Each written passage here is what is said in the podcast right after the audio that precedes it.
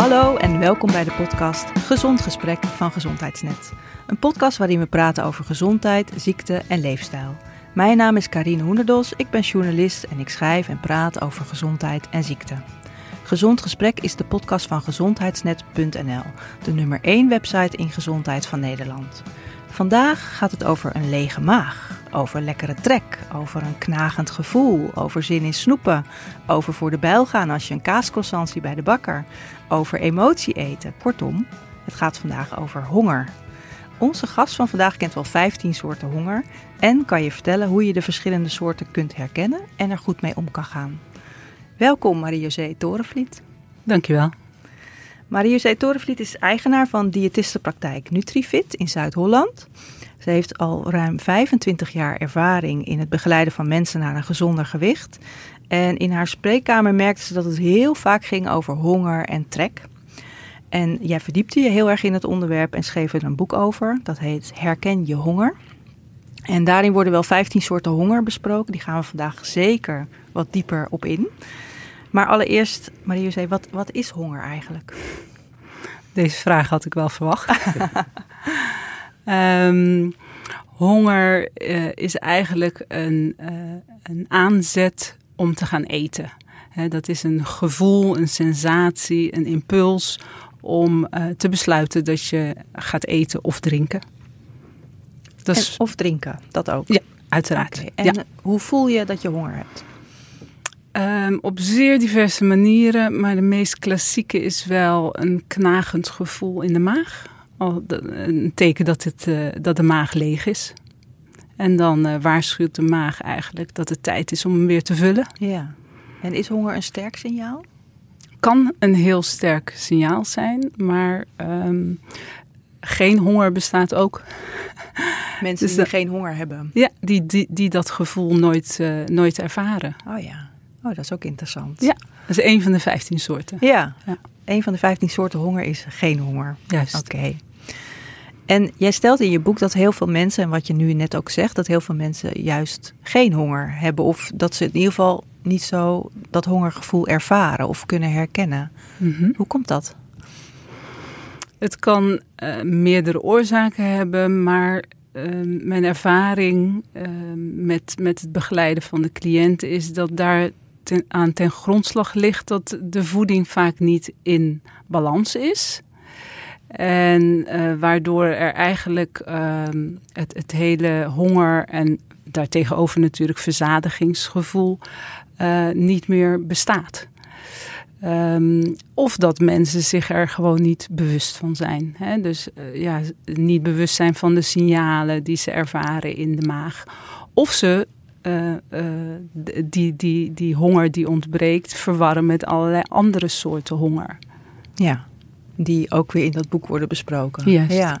Oké, okay. en als je zegt de voeding kan uit balans zijn, wat bedoel je daar dan precies mee? Wat geef je eens een voorbeeld? Nou, dat, dat het vrij eenzijdig is. Hè? Dus dat, dat er um, weinig gevarieerd wordt. Hè? Dat iemand uh, bijvoorbeeld heel rijkelijk um, uh, suikers en koolhydraten eet.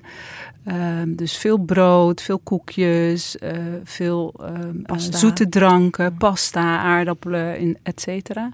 En dat um, andere voedingsstoffen, want koolhydraten is, is, is, natuurlijk een van de voedingsstoffen, andere voedingsstoffen onderbelicht blijven. En ja, dan, dan krijg je een disbalans, disbalans uh, eigenlijk een eenzijdige voeding. En wat voor effect heeft dat dan op dat hongergevoel? Nou, het, het lijf um, is continu aan het um, checken, nagaan of er een uh, balans is, of er een, een evenwicht is. Mm -hmm. Ik beschrijf dat in mijn boek als homeostase. En um, als er eenzijdig gegeten wordt, blijkt, of, of betekent dat feitelijk dat er aan andere voedingsstoffen niet wordt, wordt voldaan. Hè? Dus je hebt een zekere hoeveelheid van de andere voedingsstoffen, van eiwitten, van vetten, voedingsvezels, vitamines, et cetera, allemaal nodig. En dat daar niet aan wordt voldaan. En zolang daar niet aan wordt voldaan, zal het lijf je aansporen om te blijven eten. Ja, ja, op dus zoek als... naar die andere voedingsstoffen. Ja, oké. Dus als je zeg maar te weinig eiwitten binnenkrijgt, dan zal je lichaam, ook als heb je jezelf helemaal volgepropt met brood en pasta en koekjes, Precies. toch vragen om nog meer eten. Nog meer eten. Maar dan eigenlijk wil die vragen om die eiwitten, maar zo specifiek kan honger niet zijn. Ja. Oké. En nou komt ja, dit vaak voor? Dit komt heel veel voor. Ja, in, tenminste, dat is mijn ervaring. En, en je zegt van ja, zo specifiek kun je, kan je lijf dat niet aangeven. Maar ik denk als je voeding in evenwicht is, dan, dan kan je dat wel ervaren. Het, het, zal je toch niet vreemd klinken dat je op bepaalde momenten van de dag heb je meer behoefte aan bijvoorbeeld hartig.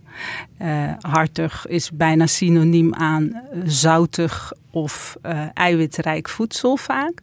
En op andere momenten heb je juist heel erg trek in zoetigheid. dus, en dat kan zeker wel een, een signaal zijn vanuit het lijf. Van, nou, dit moet worden aangevuld mm, op dit specifieke moment. Ja, ik moet meteen denken aan zwangere vrouwen die soms van die hele rare behoeften hebben. Dat ze aardig gaan eten of zeep. Of, uh... juist. ik ken de argurken. Zeep ook. Okay. Ja, ja, ja. En dat dat eigenlijk ook een soort behoefte is. Juist. iets dan wel tekort dit is een beetje extreem, maar ja. Interessant is dat, ja.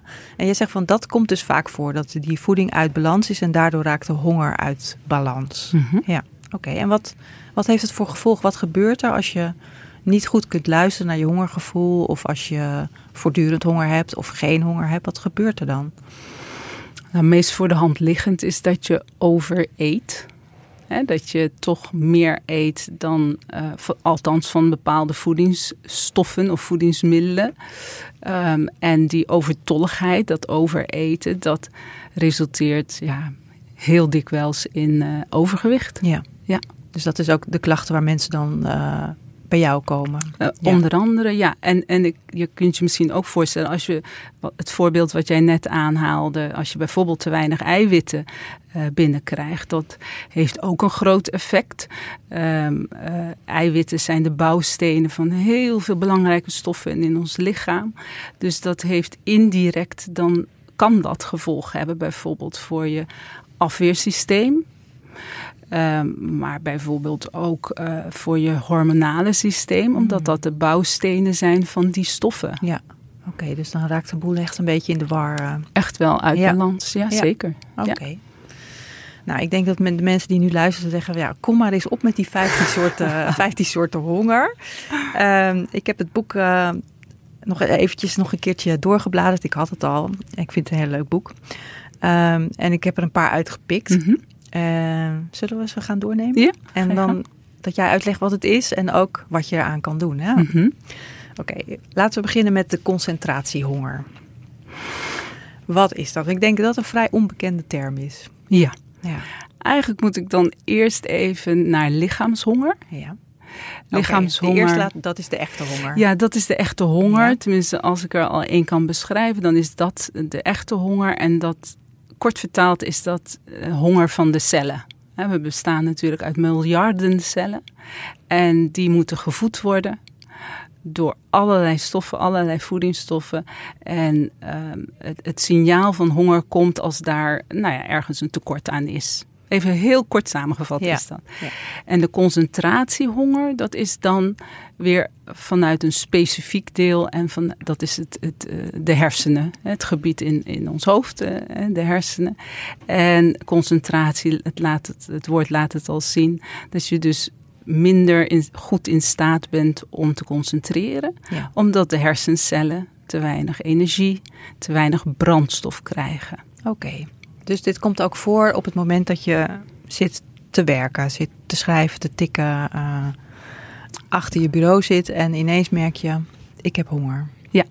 En dat is eigenlijk gek, want je doet niet zoveel voor je Precies. gevoel. Precies. Nou, en dat is niet altijd wat mensen ervaren. Hè? Dus de klassieke honger in de maag op dat moment. Maar ze krijgen wel het idee dat ze zich minder goed kunnen concentreren. Uh, minder goed uh, kunnen focussen. Hun aandacht dwaalt af. Uh, dus het kan zelfs nog verder gaan dat je echt, echt wel vermoeid raakt. ehm, je ogen minder goed open kunt houden. En dat is dat klassieke moment. Hè. Veel mensen hebben dat in de loop van de middag bijvoorbeeld. Het dipje. Het dipje, een middagdip of de after lunch dip wordt het ook wel uh, genoemd. En ehm, nou ja, tekort aan, aan energie in de, in de hersenen. Oké, en, en wat moet je hier aan doen? Nou, de meeste mensen die uh, grijpen dan graag naar iets zoets. Ja. Niet zo raar. Uh, Omdat zoet. dat snelle energie geeft. Juist, er zitten suikers in en dat geeft snelle energie. Uh, maar vaak ook kortstondig. Hè. Dat duurt misschien een half uur en dan heb je daarna eigenlijk weer hetzelfde. volgende dip. Ja. Volgende dip. um, dus wat kun je eraan doen? Ja, het beste is eigenlijk even opstaan, bewegen. Ja. Um, zodat ook als het ware de energie die nog is opgeslagen in andere delen van het lichaam vrijkomt. Het bloed gaat stromen daardoor. en, en, en, en, de hersenen moeten ook doorstroomd zijn om die brandstof natuurlijk tot zich te krijgen.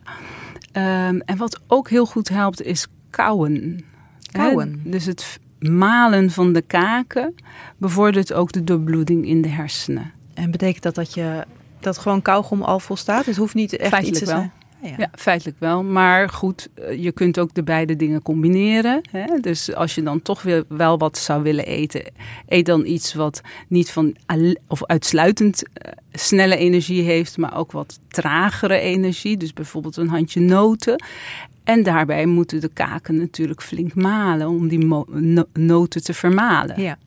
En het effect is dan omdat die kaken gaan malen, dat er uh, de bloedvoorziening in de hersenen, in de hersenen beter ja, wordt. Ja, ze hebben ook echt uh, uh, testen gedaan bij examenkandidaten. Ja. En dat er ehm, dan vaak ook toegestaan wordt om op kauwgom te kauwen. Ja. Omdat dan de hersenen beter doorbloed worden. Oké. Okay. Nou, dit vind ik al, dit is al een eye-opener denk ik voor veel mensen. Als je concentratiehonger hebt, je hoeft eigenlijk niet te gaan eten sta even op en, en of ga kauwen. Juist. Okay. Dan heb je de mensen, en dat noem jij in je boek de constante honger. De mensen die eigenlijk de hele dag door wel kunnen eten. Ik denk dat sommige mensen dit ook wel zullen herkennen. Mm -hmm. uh, de hele dag door heb je eigenlijk wel trek. Mm -hmm. Komt dit vaak voor? Um, heel veel. Heel veel. het, is, het is ook een vraag die ik stel aan, uh, aan de cliënten die ik begeleid. Heb je wel eens honger? En dan wordt er vaak lang en diep nagedacht. En uh, nou ja, gezegd, nou eigenlijk niet. Uh, wat mij verbaast, want ik heb meerdere, dag, uh, meerdere keren per dag dat, die ervaring van mm -hmm. ik, ik, ik moet wat eten. Ja, maar dit was de constante honger. Ja. Dus de mensen die constant honger ja, hebben. Ja. Die, ja, precies. Maar, oh ja, excuus, excuus. Ja. ja. Oh, dat is niet die geen, geen honger. honger dat is die komt ook nog. Die willen de hele dag eten. Ja, ja. Um, uh, nou, die, die constante honger heeft ook veel te maken met het disbalans van, van wat er gegeten wordt. dat... Dus waar wij net op, op ingingen. Ja. Hè, dus dat dat evenwicht er niet is, waardoor je blijft zoeken. Ja, um, ja en, en, en er dan vervolgens ook aan toegeven. Ja. Hè? Ja. Of denken dat je honger hebt.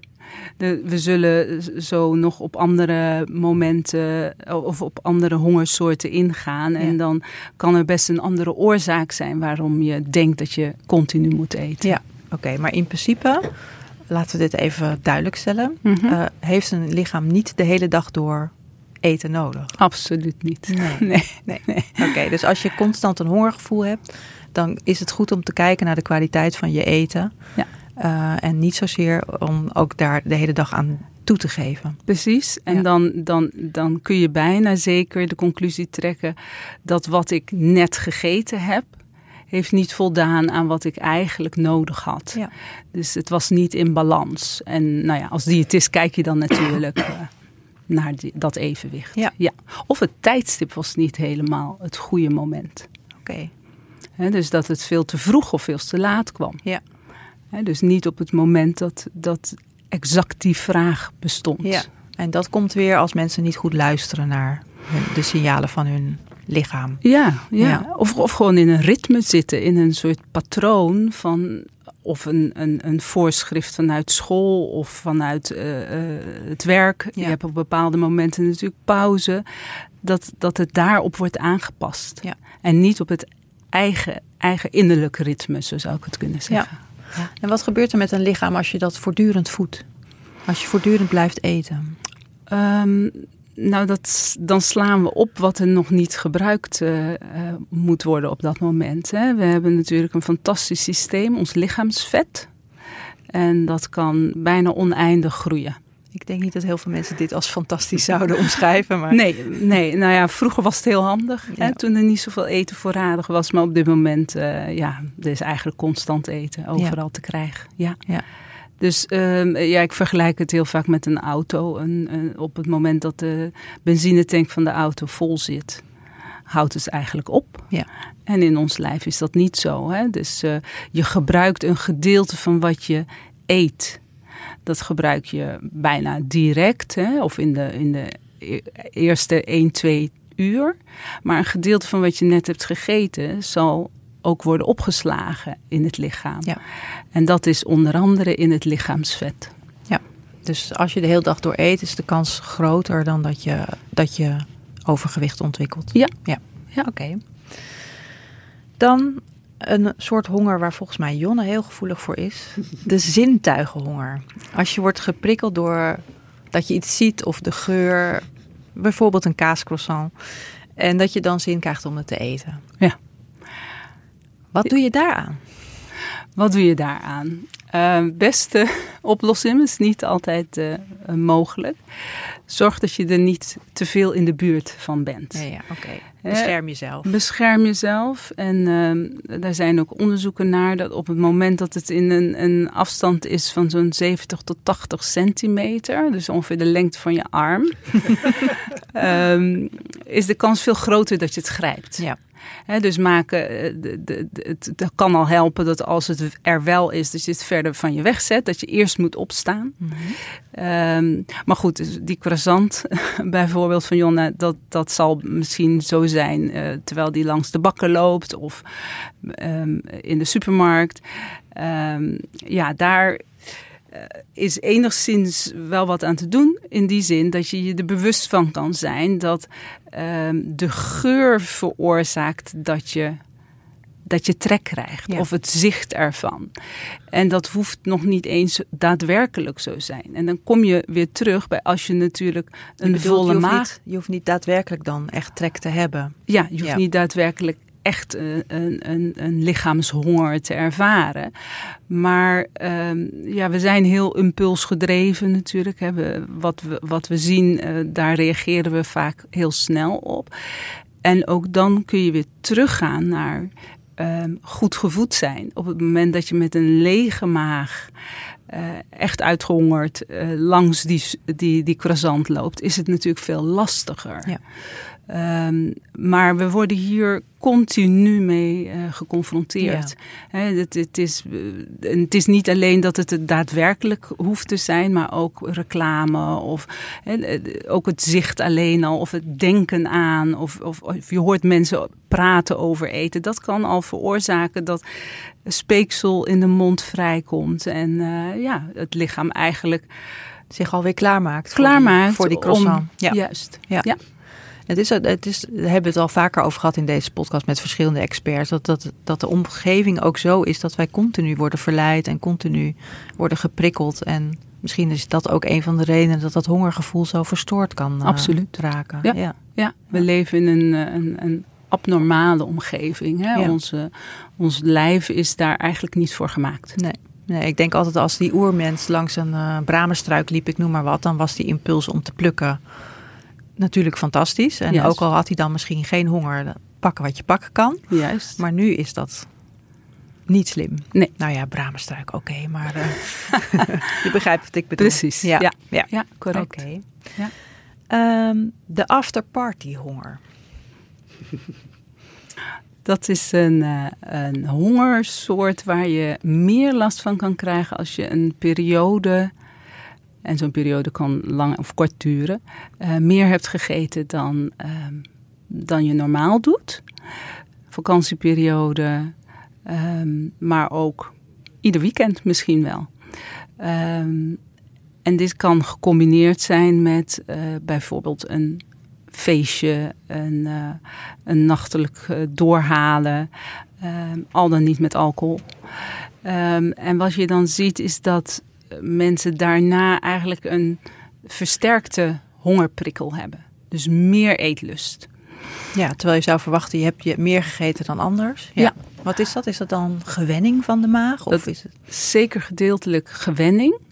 Op het moment als we het hebben over eh, gaan stappen en, eh, en, en la- nou ja, langer wakker blijven en vaak dan alcohol drinken, dan is het ook zo dat de alcohol je impulscontrole, dus je vermogen om verstandige beslissingen te nemen, wat doet afnemen. Hè? Dus eh, dat kan een reden zijn. Maar ehm, je lijf heeft ook als het ware langer gewerkt die, die nacht. Hè. Je gaat later naar bed, dus je hebt ook echt wel meer trek. Ehm, maar ja, merkwaardig genoeg vraagt het lijf dan ook meer. Omdat je eigenlijk iets verstoort. Hè. Die balans is verstoord. Periode langer eh, meer gegeten dan normaal. Later naar bed gegaan, alcohol gedronken. Die combinatie die voor, veroorzaakt dat er een disbalans komt. Ja. En wat doe je daaraan? Nou. Vroeg naar bed, geen alcohol. Mm, nou, de volgende dag vroeg naar bed. Ja. Zeker. Ehm, de ervaring leert dat, dat het helpt als je eiwitrijke voeding eet. Oké.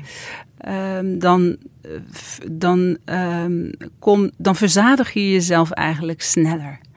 Dus dan, dan neemt die extra hongerprikkel van die afterparty, die neemt sneller af. Goed drinken, ehm, nou ja, en rusten. Want vermoeidheid is naast alcohol ook een, een reden om meer te eten, om, om ehm, minder verstandige keuzes te maken. Ja. Dat eh, vermoeidheidshonger zal zo nog besproken worden, maar dat is ook iets wat heel veel voorkomt. Ja. Ja. Oké.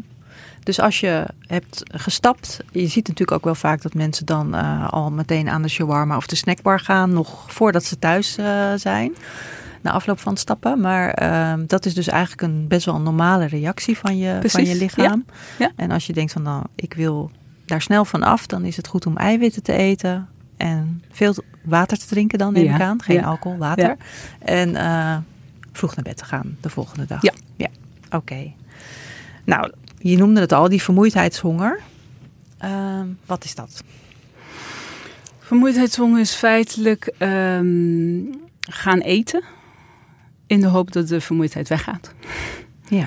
Ehm, eh, de klassiekers, einde van de middag bijvoorbeeld, of in de loop van de avond als de dag eh, nou ja, grotendeels voorbij is, maar je moet nog zoveel en je hebt even behoefte aan energie, ehm, dan, ehm, dan gaan eten. Dus eigenlijk eten vanuit een vermoeidheid. ja. En wat kiezen mensen dan meestal? Over het algemeen ook weer de, de, snelle, de snelle suikers, hè, de snelle energie, de zoetigheid. Eh, koekjes, chocola, ehm, nou ja, alles wat maar eh, zoet smaakt en snel eh, energie geeft. Ja. En op zich werkt dat natuurlijk wel. Ja. Je krijgt even weer die energie. Je maar dan daarna weer. daarna weer die dip. Ja. En ehm, kijk, doe je dit een keer, dan is daar natuurlijk ook niets mis mee. Maar vaak zit daar een patroon in. Dan dan ehm, slepen mensen zich bijna de dag door. Dus iedere middag, iedere avond eh, heel veel zoetigheid eten. En dan krijg je weer die disbalans. En een, een bovenmatige hoeveelheid aan suikers vaak. Ja. En wat doe je daaraan? Ehm, nou ja, kijken naar de oorzaak. eh, die, die is niet altijd op te lossen. Ehm, eh, ik laat ook in mijn eh, eh, boek zien dat bijvoorbeeld jonge ouders, da- daar hoor ik het echt heel veel bij. Ja. Die ehm, komen ongeveer 700 uur slapen in het eerste levensjaar van het kind eh, tekort. Dus ja, dat, dat compenseer je ook niet. Nee, dat is zo twee uur slaap per nacht. Dat is ongeveer twee Ja. uur slaap per nacht. Nou, dan kan je er ook eh, eh, zeker van zijn dat het feitelijk misgaat. Ehm, maar goed, een paar nachten wat eerder naar bed helpt absoluut. Ehm, en als je dan toch wil eten, maak dan een keus voor ook energie die wat trager misschien um, um, nou ja, effect heeft, maar wel langer aanhoudt. Ja. Dus maak ook een verstandige keuze door um, een, een, bijvoorbeeld een, een, schaaltje yoghurt met wat vers fruit en daar wat granola in. En dan neem je dat stukje chocolade na. Ik bedoel, prima om dat ook te eten, maar dan heb je langere energie dan is het niet iedere keer die piek en vervolgens de tik erna in het dal. Ja. En komt het ook voor dat mensen dit eigenlijk helemaal niet doorhebben, dit systeem? Dat ja. Ja. Ja. ja. ja. ja. ik laat mensen vaak een eetdagboek bijhouden hè, als ze onder begeleiding komen van mij. En dan gaan ze dit soort dingen registreren. Wanneer eten ze eigenlijk en wat eten ze en waarom eten ze dan? En dan ontdekken ze dat. Ja. ja. Oh ja. Hoe simpel eigenlijk? Eigenlijk wel, ja. ja. Oké, heb je nog een lievelingshonger die we nog niet besproken hebben? Absoluut. Oh. een hele belangrijke naar mijn idee. Um, uh, wordt ook steeds duidelijker volgens mij. Dat is de kauwhonger. De kauwhonger? Ja, okay. daar heb ik zelf echt last van. Of last van. Als ik daar geen uh, aandacht aan besteed, dan... Uh... En kou van kauwen en niet van kou? Ja, precies. AU. ja. ja. Dus dat je voldoende uh, moet kunnen kouwen op het eten wat je eet. Okay. Lang genoeg en eigenlijk uh, nou ja, fanatiek genoeg. en want op het meeste eten moet je wel kouwen. Ja. Maar uh, de klassieker, bijvoorbeeld witte bolletjes, dat is zo zacht. Dat kun je heel makkelijk met enkele happen ook weer doorslikken. En als je daar tegenover een, een volkoren een hard broodje zet, dan moet je daar veel langer op kouwen. En zo ook met heel veel andere voedingsmiddelen, waardoor je dat eigenlijk kan integreren. Hè? Dus, dus bijvoorbeeld in je bakje met yoghurt of kwark uh, nootjes, zaadjes doen. Um, uh, een appeltje wat heel krokant is. Um, bij je boterham tussen de middag wat peentjes eten. Um, zodat je echt die koufunctie hebt. Oh, en waarom is dat nou, dat blijkt, dat blijkt dat verzadiging, hè, dus het moment ik heb genoeg, uh, heeft met meerdere dingen te maken. Uh, natuurlijk dat je ook lekker eet. Dat wat je eet, dat je dat smakelijk vindt. De duur van, dus de lengte van de maaltijd, die bepaalt wanneer um, het signaal, het, het teken richting je hersenen gaat. En ik heb genoeg. Ja. Dus ja, als je een, weer even dat witte broodje, dat is echt binnen enkele minuten op. En dat, dat volkoren harde broodje moet je veel langer op kouwen. Ja. Um, maar het kouwen op zich, dus dat geeft ook um, signalen af naar de hersenen dat, het, dat er verzadiging um, langzaam op gaat treden. Ja. Oké, okay. er zit verzadiging aan te komen, want, ja. want ze is aan het kouwen, ja. mensen. Ja, ja. oké. Okay. En jij zegt dat heb jij sterk?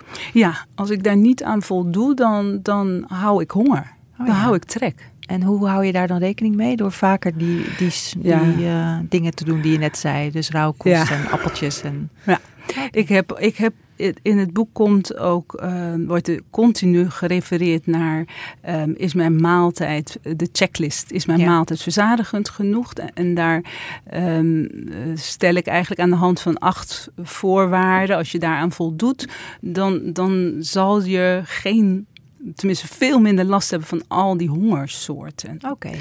En um, een van die. Want dat is, dat is eigenlijk wat. Dat is de achterliggende gedachte van al die hongers die bestaan wel. Maar op het moment dat je je lichaamshonger op een juiste manier uh, uh, helpt, dan uh, met de goede maaltijden, dan zullen al die andere hongers waarschijnlijk niet optreden of minder Veel vaak. Veel minder vaak. Ja. ja. Oké, okay, en, en dat is interessant. Waar, waar vinden mensen die checklist? Um, in mijn boek. In je boek? Okay. Pagina 97 weet ik dat toevallig. um, ja. Oké, okay. en ja. kun je een tipje van de, van de sluier oplichten? Mensen gaan natuurlijk naar deze podcast je boek kopen, maar stel niet meteen. Ja, nou, het, uh, kijk, uh, de belangrijkste uh, vijf voorwaarden zijn eigenlijk wel dat, er, dat er volume gecreëerd moet worden. Okay. Want de maag vult zich. Daar komt als het ware, door die vulling komt er een druk op de maagwand. En dat um, veroor, geeft weer een seintje naar de hersenen toe via hormonen dat er voldoende is gegeten. Dus eh, je, het is echt wel belangrijk om uh, rijkelijk te eten in de zin dat, het, dat, je, dat je niet een heel klein volume maakt. Dus niet uh, twee boterhammen met jam en een glas melk en dat is het. Hè? Dat is de, de, de, de klassieke Nederlandse lunch bij wijze van spreken. Dat je hem aankleedt. Oké. Okay. Um, en de, de vier voedingsstoffen die daar dan wel in, in dat volume moeten zitten. Um, de gezonde vetten, eiwit, voedingsvezels en vocht. En de andere, hè, want de checklist heeft acht, acht punten. Dat je let op niet te veel zout. Want zout nodigt heel erg uit om door te eten. Mm -hmm. um, uit het seizoen. Dus zoveel mogelijk passend bij het seizoen waarin je op dat moment bent. Waarom is dat belangrijk? Um, er dan van uitgaande dat dat um, veel met lichaamstemperatuur dan ook te maken heeft. Ja, moeten we eigenlijk even, even terug naar wat reguleert nou honger? Mm -hmm. hè? In ons um, lichaam um, zijn de hersenen voor het grootste gedeelte verantwoordelijk voor uh, hongerregulatie. En daar uh, bevindt zich een klein orgaan, de hypothalamus. Dat is, kun je een beetje zien als de thermostaat van je lichaam. En die reguleert dus honger, dorst, verzadiging, maar ook lichaamstemperatuur. En dit is ook voortschrijdend inzicht. Het ging mij opvallen dat op het moment dat mensen niet passend bij het seizoen aten. En wat bedoel ik daarmee? Dus dat ze in de winter heel veel koude voedingsmiddelen aten. Salades, Salades yoghurt, um, veel koude dranken. Dat het dan veel moeilijker was om een dieet te volgen. Hmm. Welk dieet het dan ook zij. Hè? Dus niet alleen een afslankdieet. Hmm. Um, en als je ook goed gaat kijken, zo, zo is het van nature ook bedoeld dat je meebeweegt met de seizoenen in het eten. Hè? Dus stampotten, soep in de winter en inderdaad veel lichter voedsel wat verkoelend werkt um, in de zomermaanden en, en in de lente. En dan He, want als je het hebt over lichaamstemperatuur bijvoorbeeld. en je eet in de winter heel veel koud voedsel. dan moet het lijf dus veel meer energie besteden aan dat warm worden. Ja. Uh, het zal voor de luisteraar herkenbaar zijn. Hè? Dat je het warm krijgt op het moment dat je hebt gegeten. Ja. En als je veel warm voedsel eet in de winter, heb je het makkelijker warm. Dus vandaar dat punt ook opgenomen in mijn checklist. Ja, mooi. Eet mooi. mee met het seizoen. Ja. En dan uh, ja, eigenlijk een van de voornaamste vers en zelfbereid, zo min mogelijk bewerkt voedsel. Ja. En, dus, en, uh, en iets om op te kouwen. Die ja, ik nog een beetje. Ja, die, nou, dat, dat Die zit er met name bij. in die voedingsvezels. Hè? De voedingsvezels, voedingsvezelrijke producten zijn over het algemeen producten waar je veel op moet kouwen. Ja. Dus zo uh, Ja. mix je dat. Oké, Ja. dus bij de eerstvolgende maaltijd dan kijk je eens naar, de, naar het volume. Je kijkt van, zitten er eiwitten in en niet te veel zout? Moet ik er lekker op kouwen? Is het, past het bij het seizoen? Nou, Vezels. Vezels, nou ja, dit klinkt waarschijnlijk heel ingewikkeld, maar uiteindelijk heb je dat wel door, denk ik. Ja. En, dan, Ja. en dan moet je dus ook kijken van, ja, werkt dit ook? Voel ik me daardoor meer verzadigd dan Precies. Ja. anders? Ja. En dan, dan, ik denk dat dan pas zal gaan opvallen dat je dus veel minder last hebt van de andere hongersoorten. Oké, mooi is dat. Dus eigenlijk komt honger wel voort uit jezelf niet goed voeden, maar vaak is het niet goed genoeg voeden. Dus Juist. het niet de hoeveelheid, Ja. maar de kwaliteit. Ja. oké. Goed. Ehm, dan, is het, eh, dan is het hip. Nou, ik weet niet of het nog steeds hip is, maar het was in ieder geval hip om eh, intermittent fasting te doen. Mhm. Wat is jouw mening daarover? Inmiddels- Ja. ik zie Inmiddels ben ik eh, iets, iets minder eh, enthousiast. In de zin, als je het goed doet, kan het heel goed werken. Oké, je was enthousiast. Ja. En, Ehm, ook in mijn boek eh, beschrijf ik een, een vorm van intermitterend vasten, het 5-2-dieet. Twee dagen eet je dan minder en vijf dagen eet je een normale hoeveelheid. Ehm, er zijn meerdere redenen, maar de voornaamste reden is dat bij intermitterend vasten eet je gedurende een bepaalde tijd niet. En dat is meestal, nou ja, het varieert maar ergens tussen de 10 en de 16, soms wel 20 uur eet je niet. Ja. En dan blijven er een aantal uren over. Nou, dat zijn dus 4 uur of wel 14 uur. Nou, bij 14 uur zou het nog aardig moeten lukken. Maar het is knap lastig om in 8 uur, wat de meeste mensen doen, hè, 8, 16, om dan alles te eten wat je nodig hebt. Ja, dan gaat weer die kwaliteit. Uh, dan gaat weer die kwaliteit naar beneden. En ehm, nou ja, met, met alle gevolgen van dien. Want dan, dan is die honger- en verzadigingsprikkel eigenlijk verstoord. Ja, en dan krijg je weer dat je last hebt van al die soorten honger. Ja. En waarom was je in eerste instantie wel enthousiast? Ehm, nou, ik, ik ben nog steeds onverminderd enthousiast. Oké. eh, wanneer je het op een goede manier doet. En wat is het voordeel dan? Het voordeel kan zijn dat ehm, als je natuurlijk restrictiever eet, dus minder tijd hebt om te eten, dan heb je ook minder tijd om foutjes te maken, zo Ja, zou je het ook kunnen zien. Ja. Dus het geeft mensen wel een houvast. Ehm, en nou ja, de onderzoeken laten zien dat als je langere tijd niet eet, dat je dan makkelijker vet kan verbranden. Je gaat je voorraden aanspreken. Je gaat je voorraden aanspreken.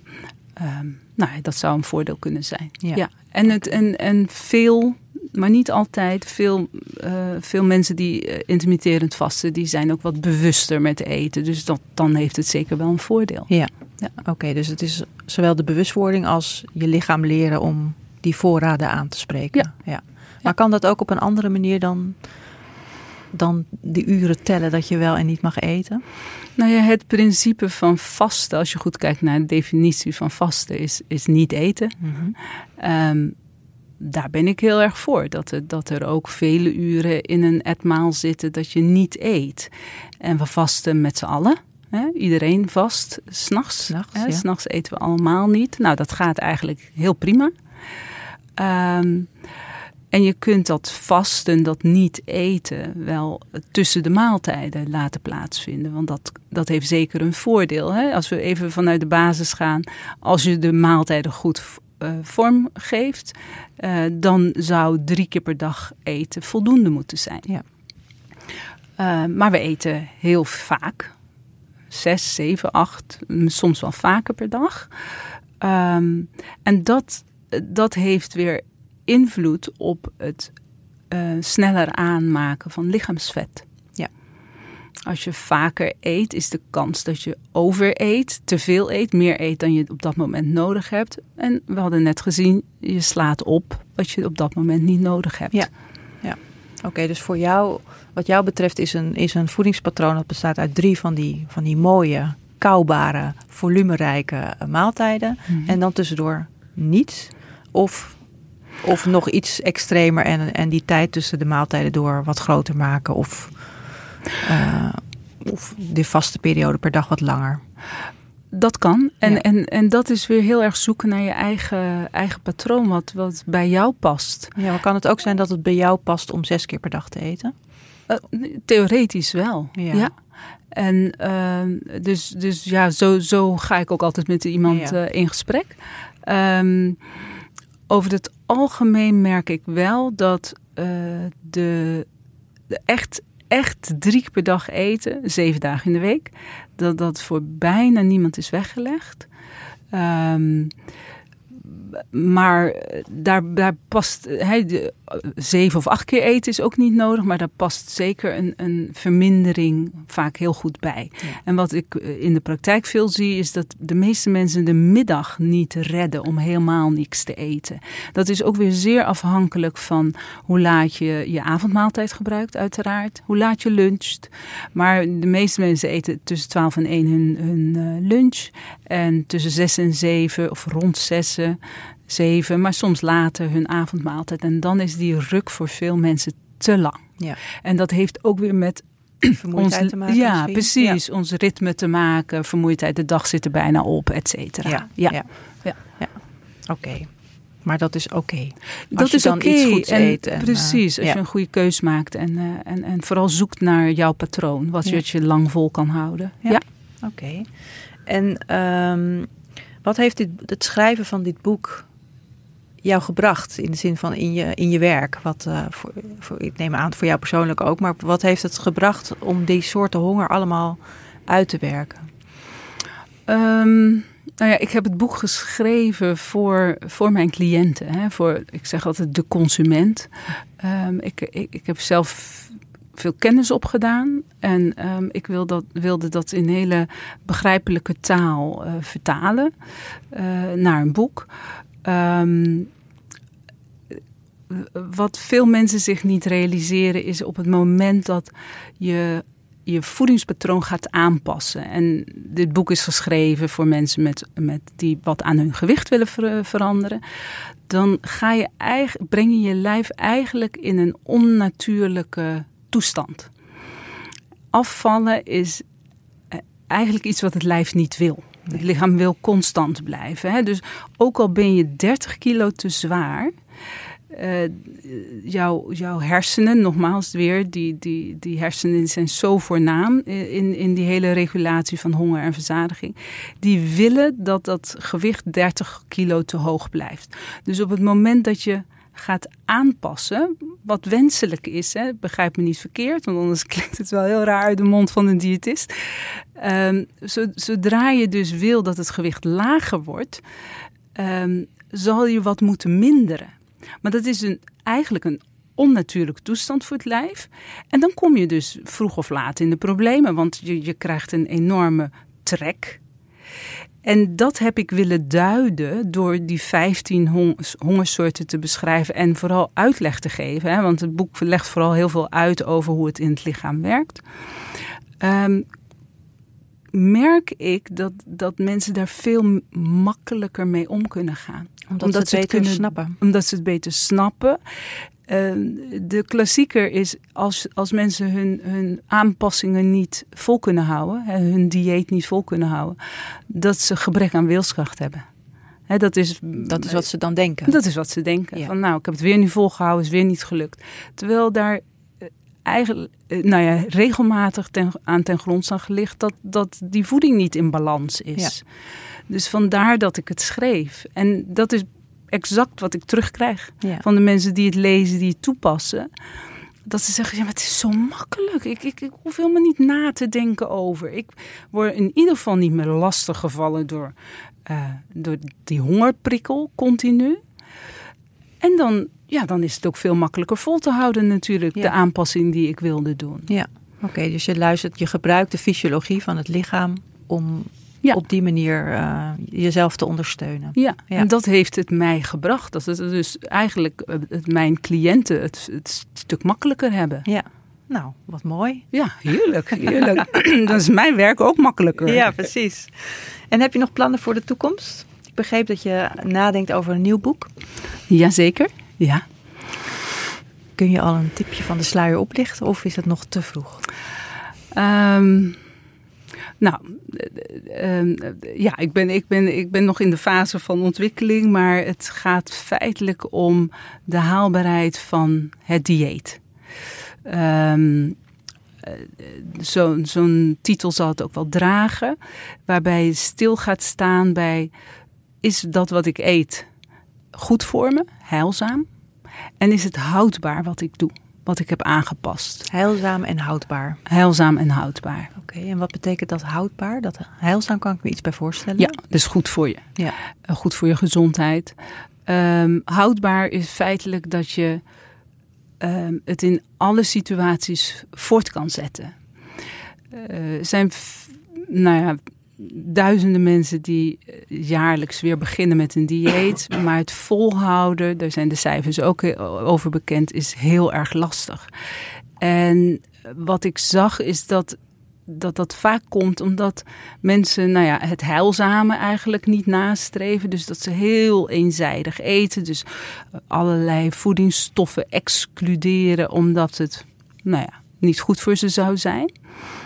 Ehm, maar ook omdat ze niet door alle fasen van, van, uh, van het jaar, zou ik bijna willen zeggen, heen uh, kunnen gaan. Hè? Dus dat wanneer het lastig wordt, ze niet voorbereid zijn. Of omdat ze niet goed hebben nagedacht waarom ze eigenlijk 10 kilo minder zouden willen wegen. En daar, ga, daar gaat het boek over en dan ga ik dieper op in. Ja. Wat, wat, wat, wat, daarmee, wat je daar eigenlijk um, voor uh, moet onderzoeken om dat vol te kunnen houden. Om okay, het op om lange de houdbaarheid termijn, te verhogen. Ja, te verlengen. Oké. Okay. Ja. Interessant. Nou, ik ben benieuwd wanneer, de, wanneer dat komt. Ik dat ook. dit jaar, dit jaar. Dit jaar, oké. Okay. Nou, Marie dank je wel voor dit gesprek. Of heb je nog iets toe te voegen misschien? Graag gedaan. Uh, misschien is het voor de luisteraar wel leuk, um, nu ze zoveel hebben gehoord over honger, om hun eigen honger eens uh, te testen, na te gaan. Oh, dat is leuk. Um, er is een website waar ze een test kunnen doen en dat is www.testjouwhonger.nl. Testjouwhonger.nl. En wat houdt het in? Wat kun je daar doen? Doen ze een korte test. Er worden een aantal stellingen uh, geponeerd en dan kunnen ze antwoord geven. Er komt een resultaat en dan ontvangen ze ook um, het hoofdstuk wat, wat het meest voorkomt. Waar zij op uh, scoren, het hoogst op scoren. En het eerste hoofdstuk van mijn boek. Nou, Marie C., ik wil je heel erg bedanken voor dit fijne gesprek. Ik vond het heel interessant en we kijken uit naar je nieuwe boek. Dankjewel. Je luistert naar Gezond Gesprek, een podcast van Gezondheidsnet, gepresenteerd door Carine Hoenerdos met producer Jonne Cerise. De Yearlings maakte voor ons de tune. Wil je meer weten over het onderwerp van deze podcast? Kijk dan zeker op gezondheidsnet.nl. En wil je reageren? Dat kan, dat vinden we heel erg leuk. Je kunt reageren via Vriend van de Show, gewoon een high five geven, een opmerking achterlaten of een extra vraag aan onze gast stellen. Alles kan. Vriend worden van Gezond Gesprek kan ook al voor 1,50 per maand. Kijk op vriendvandeshow.nl en zoek naar Gezond Gesprek. We zijn verder heel erg blij als je deze podcast deelt, bijvoorbeeld onder je vrienden of via social media. Dan kunnen meer mensen onze podcast vinden. Tot de volgende keer, tot het volgende Gezond Gesprek.